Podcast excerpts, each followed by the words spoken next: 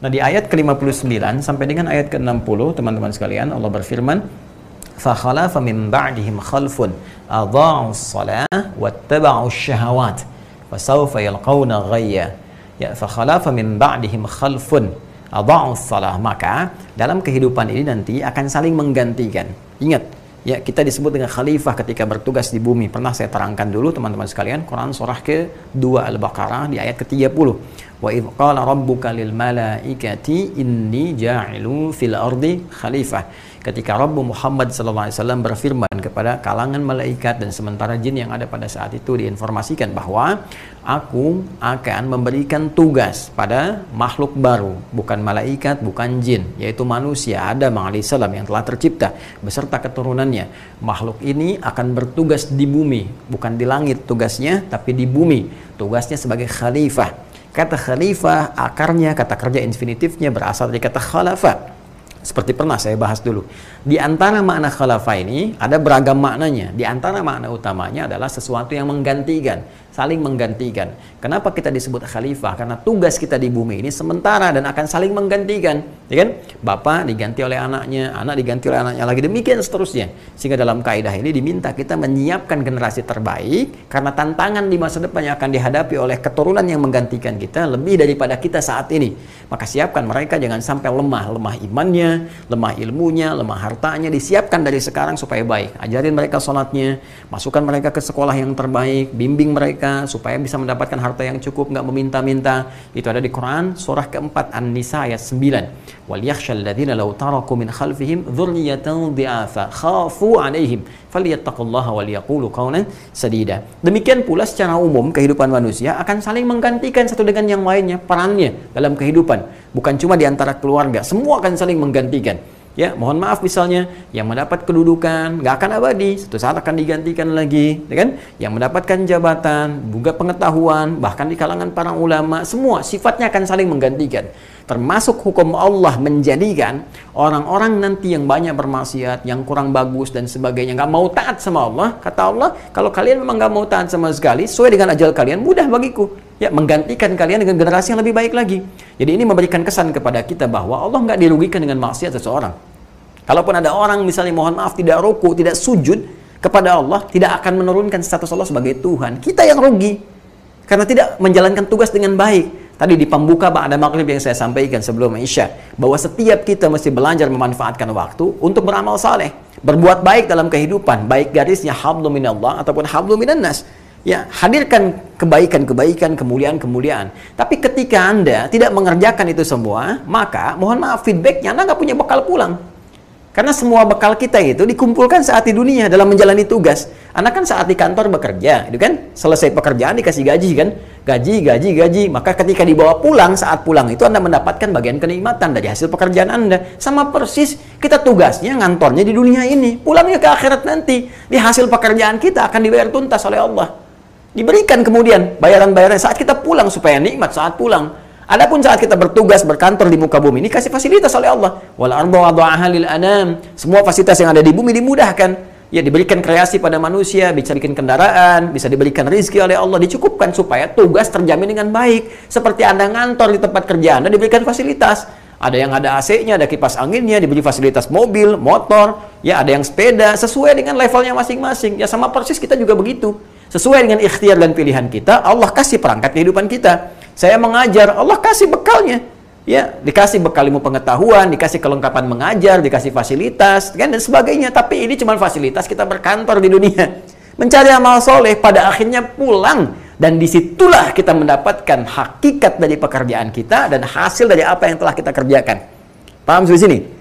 Nah, karena dari itu, teman-teman sekalian, kita diminta oleh Al-Quran supaya benar serius. Kalau Anda nggak mengikuti pedoman ini, Allah nggak dirugikan kata Allah. فَخَلَافَ مِنْ بَعْدِهِمْ خَلْفٌ أَضَاعُوا الصَّلَاةِ وَاتَّبَعُوا الشَّهَوَاتِ Kalaupun Anda nggak pernah mau sholat, anda mengikuti nafsu saja, Anda mengikuti kesesatan dalam kehidupan, sesat itu menyimpang dari ketentuan yang telah Allah tetapkan. Lisan disuruh berucap yang baik, berucap yang kotor. Mata melihat pada yang buruk, gak pernah sholat, selalu maksiat dan sebagainya. Menjauh dari hukum Allah. Puncaknya gak mau beriman pada Allah subhanahu wa ta'ala. Kata Allah, ya itu pilihan kamu. Aku berikan petunjuk, aku berikan ikhtiar, aku berikan pilihan, aku berikan segala jaminan dan sebagainya, aku terangkan sebaik-baiknya, aku utus nabi, aku utus rasul, aku berikan rezeki, aku sembuhkan saat sakit, kurang apa lagi? Dan aku maafkan kalau engkau salah. Kalau engkau tobat, aku terima. Kalau engkau berbuat baik, aku berikan pahala. Tapi dengan semua pemberian itu, engkau belum mau juga beriman. Dengan cara apa lagi engkau didorong untuk beriman? Kalau engkau nggak mau, aku nggak dirugikan, kata Allah. Maka akan datang generasi setelah engkau yang menggantikan engkau lebih baik daripada engkau. Itu maksudnya. Fakhalafa min ba'dihim khalfun salah. Maka orang-orang yang mau sengaja meninggalkan sholat ini, gitu kan? sengaja bermaksiat ini akan digantikan generasi setelahnya yang lebih baik dari dia. Disiapkan lagi, disiapkan lagi. Nah, kecuali kata Allah, kalau aku ingatkan begini, ada sentuhan pada jiwamu. Ini indah sekali usul Al-Quran. Apa dengan semua ini belum tersentuh juga? Ya, aku tidak dirugikan kalau engkau maksiat sampai engkau meninggal, tapi engkau akan rasakan akibatnya dari itu karena tidak memegang komitmen. Di kantor pun engkau tidak memegang komitmen, bahkan engkau dikasih fasilitas di kantor Ya dikasih AC, kasih gaji banyak, kasih fasilitas kendaraan dan sebagainya. Eh, Anda nipu orang kantor. Ternyata Anda berkhianat pada orang kantor. Anda menipu pimpinan di kantor Anda. Anda bekerja lagi dengan proyek lain. Hasil analisis Anda di pekerjaan dijual pada tempat lain. Ya, bagaimana sikap pimpinan Anda di kantor Anda? Ketika mengetahui seperti itu, Anda akan diproses secara hukum dan tidak mendapatkan bagian-bagian yang telah Anda kerjakan dan belum tentu ketika mau balik Anda diterima. Allah tidak begitu. Allah punya hukum dengan keadilannya membalas pekerjaan Anda, tapi Allah menjanjikan kalau Anda mau berubah, maka ada sesuatu yang terbaik yang Allah persembahkan kepada Anda. Maka ayat 60-nya melengkapi illa oh, mantaba wa amana wa amila salihah. Ah, ini dia poinnya. Sampai sini dulu ya. Ya, faulaika yadkhuluna jannata wa la yuzlamuna syai'a kita Eh, singkat di akhirnya dulu. Kita cukupkan di sini dulu untuk membahas pertanyaan Anda.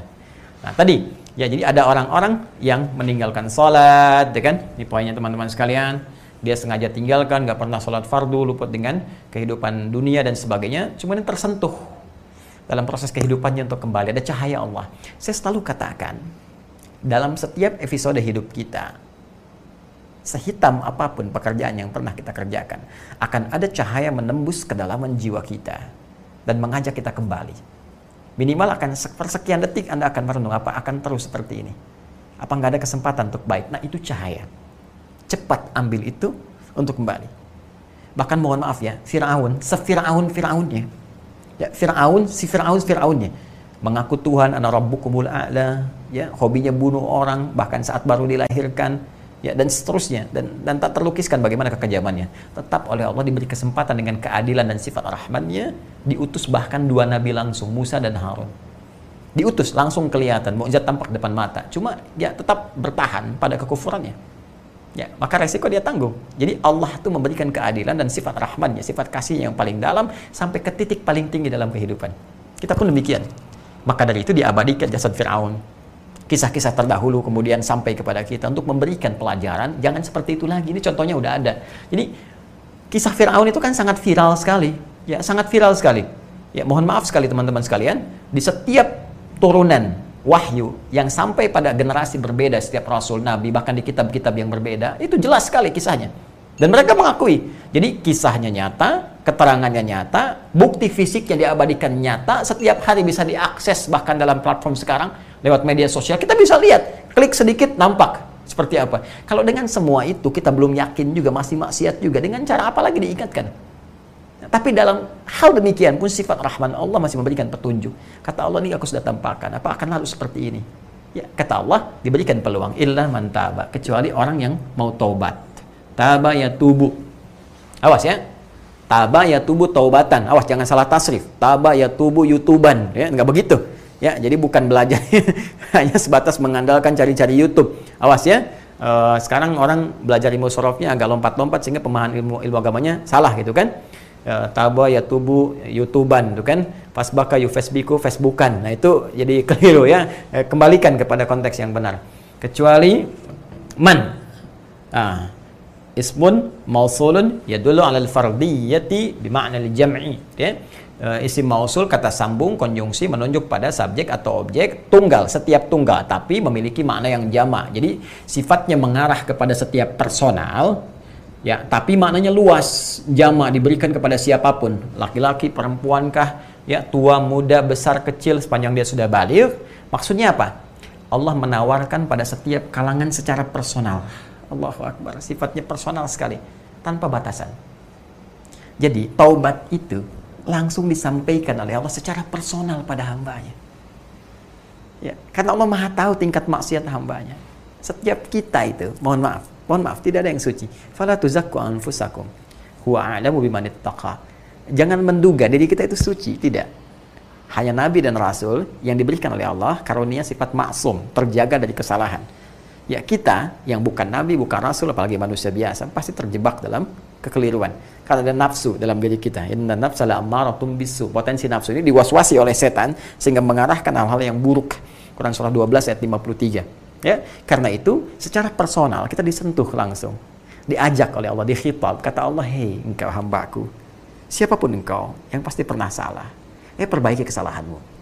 Dan boleh jadi di antara kesalahan yang diperbuat itu tadi kembali ke ayat 59-nya. Ya. Awas, adha'us salah, pernah meninggalkan salat. Secara personal loh. Ya, betapa indahnya kasih sayang Allah itu. Secara personal mudah bagi Allah membuka aibnya kepada yang lain. Ya, tapi secara personal diingatkan ditutup dulu oleh Allah. Sepanjang anda nggak buka ditutup oleh Allah. Ya, cuman sayang kadang-kadang sekarang ini banyak manusia bangga dengan maksiat, eh pamer, zina pamer. Ya, ada yang pamer di YouTube, ada yang cerita di Facebook macam-macam. Nggak sholat pamer, mencela orang pamer. Ini nggak asik gitu loh pamer dalam maksiat. Masa orang pamer itu yang baik-baik, ini pamer kejelekan. Apa kurang sehat tuh Pak itu.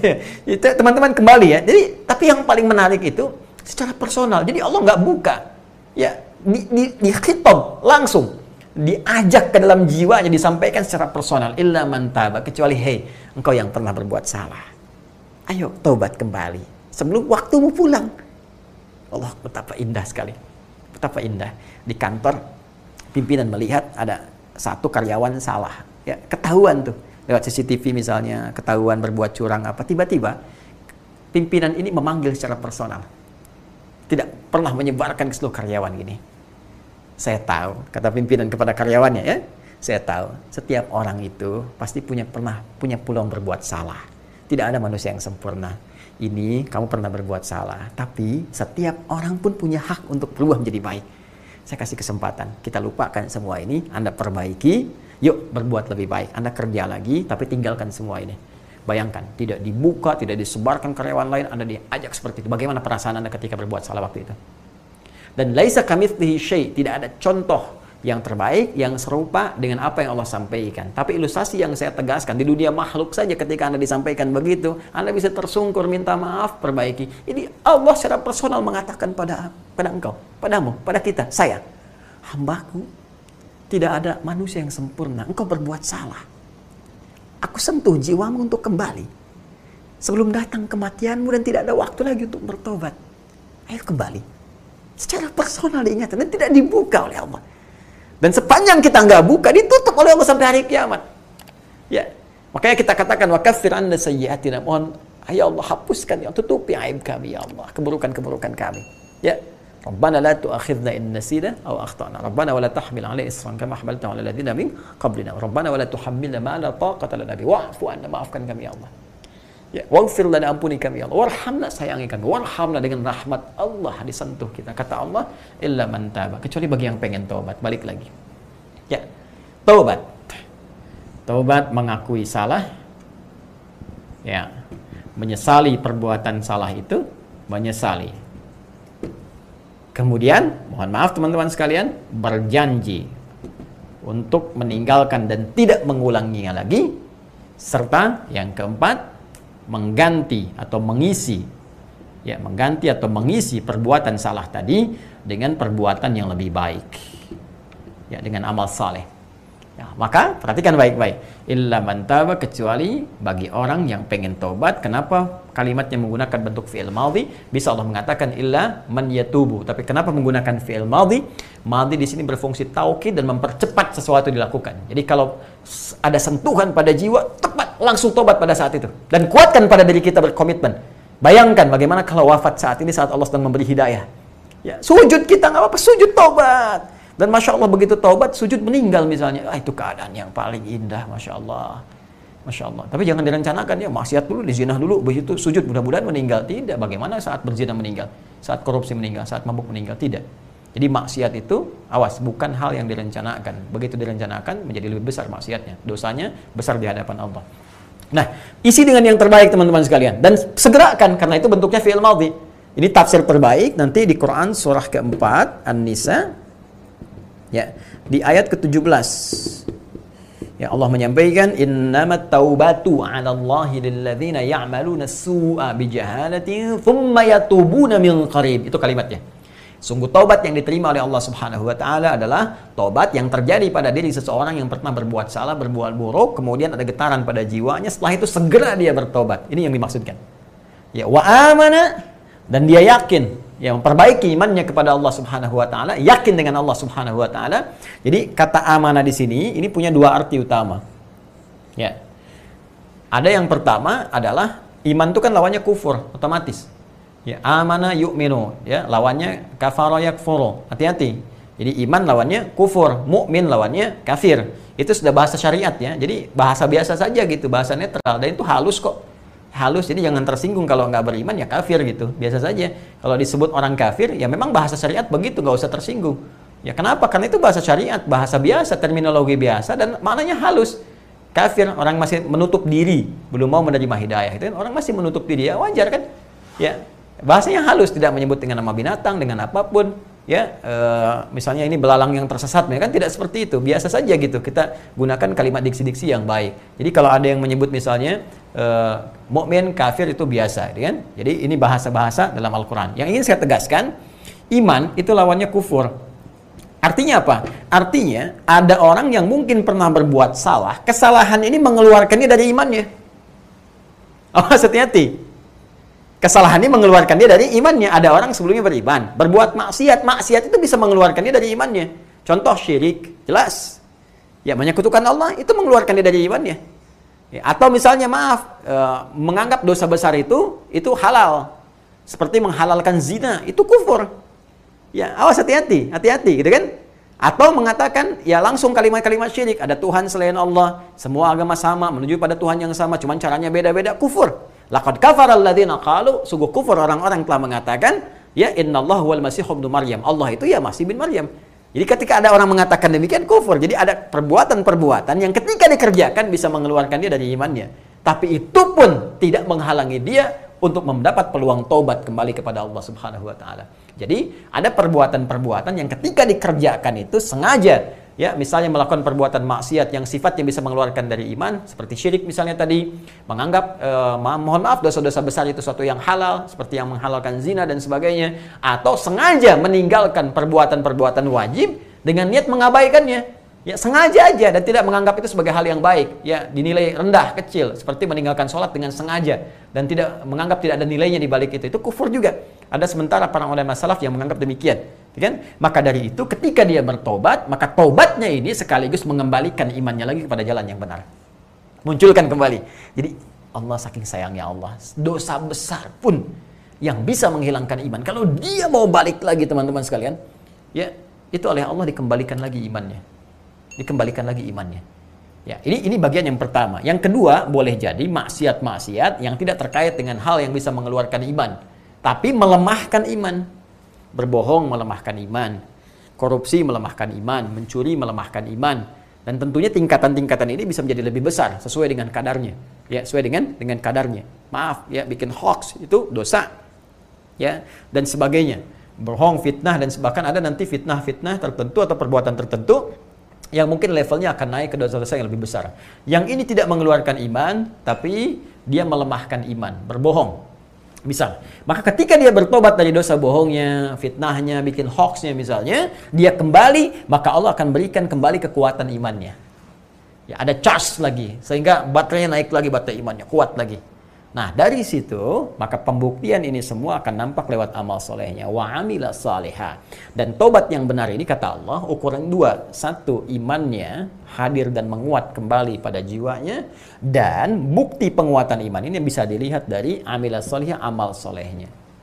Nah, terkait dengan pertanyaan Anda, ketika tadi misalnya sengaja meninggalkan sholat wajib, dan ini persoalan serius, kemudian Anda mendapat sentuhan tadi, Masya Allah, selamat untuk Anda, atau kawan Anda mungkin disampaikan di sini sebagai contoh, kan selamat, saya katakan Masya Allah, Allah lebih menyukai pelaku maksiat yang mau tobat dibandingkan orang soleh yang tidak pernah merasa salah.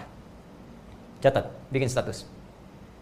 Allah sangat mencintai pelaku maksiat yang mau bertobat dibandingkan orang soleh yang tidak pernah merasa salah. Jelas. Nah, balik ke sini.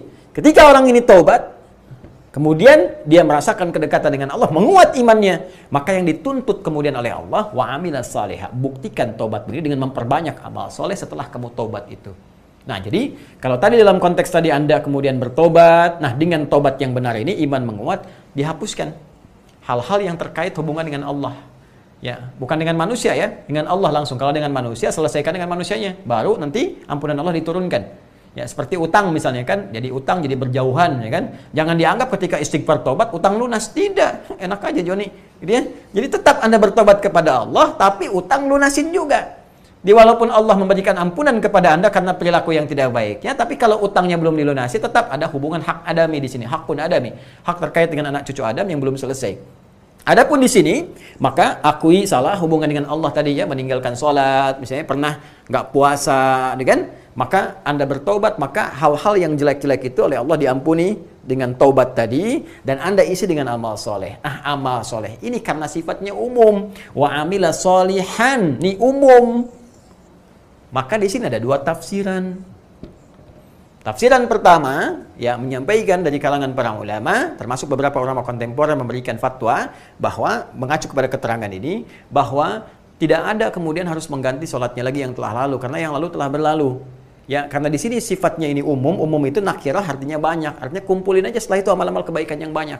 Ya, contohnya apa? Dalam sholat fardu yang ada sunnahnya, tambah dengan sunnahnya. Mulai sekarang rajin tahajud, rajin sholat duha, gitu kan? Kemudian tambah amalan-amalan harta, misalnya mali, rajin infak, rajin sedekah, buktikan kesungguhan. Nah, ini amalan-amalan ini pembuktian tobatnya kita yang bisa melengkapi amalan-amalan kurang di masa yang lalu. Ini tafsiran pertama, karena sifatnya umum. Allah menyebutkan amal soleh. Dia yang penting perbanyak amal soleh dengan tobat kita tertutup yang telah lalu, tapi tunjukkan tobat kita benar. Apa di antaranya? Pembuktian dengan meningkatkan amalan. Jadi kalau tadi meninggalkan yang fardu, sekarang fardu jangan ditinggalkan lagi. Kalau perlu kita sudah tahu waktunya, sebelum subuh sudah tahu kapan sholat subuhnya, bahkan kita kerjakan tahajud sebelum datang subuh, gitu kan? Kemudian setelah itu kita kerjakan sholat sunnah, kalau dia subuhnya, bahkan duha kita kejar semaksimal sampai kita wafat, bahkan wafat dalam keadaan sujud, masya Allah. Ya, ada yang kedua, karena ini kan sifatnya masih umum. Ya, dan soleh pun tercakup di sini sholat. Sholat itu amal soleh. Artinya ada juga yang menafsirkan kalau dia mau mengerjakan mengganti sholatnya yang telah lalu bisa dia kerjakan. Ini menunjukkan kesungguhan dia untuk menunjukkan benar taubatnya. Ya, jadi bagaimana cara praktiknya? Gampang. Ketika masuk misalnya waktu sholat zuhur, ya maka dalam waktu, masuk waktu sholat zuhur ini dia kerjakan zuhur pada saat itu kemudian setelah itu ada mengisi waktunya dia coba tunaikan lagi sholat untuk mengganti zuhur yang sebelumnya yang lalu-lalu gitu kan? Jadi begitu masuk waktu asar demikian seterusnya. Dia kerjakan asarnya yang pada saat itu dan setelah itu dia kerjakan untuk mengganti asar yang sebelumnya. Nah ini dua hal ini pun sifatnya baik karena mengacu pada dalil yang sama cuma pemahaman ulama yang beragam di sini mengacu pada keumuman di sini. Adapun Allah sekali lagi melihat kepada kita dari kesungguhan bertobat dan peningkatan amal solehnya. Jadi silahkan berdasar kelonggaran dari Anda mana yang paling nyaman Anda tunaikan. Itu saja sebetulnya. Ya, kalau Anda melihat misalnya, wah sudah saya ingin mengambil bagian yang pertama saja, saya kerjakan sesuai dengan porsinya, saya tambah sholat sunnahnya, tahajudnya, infaknya dan sebagainya. Alhamdulillah. Atau Anda ingin mencoba misalnya mengingat yang lalu-lalu, kemudian setelah itu Anda kerjakan, Anda sholat lagi ingat yang lalu, ya sambil kemudian sujud, nangis, tobat lagi dan sebagainya. Itu pun silahkan. Mana yang paling ringan? Yang salah, yang tidak sholat atau tidak benar dalam tobatnya. Ini keterangannya. Wallahu taala alam bisawab.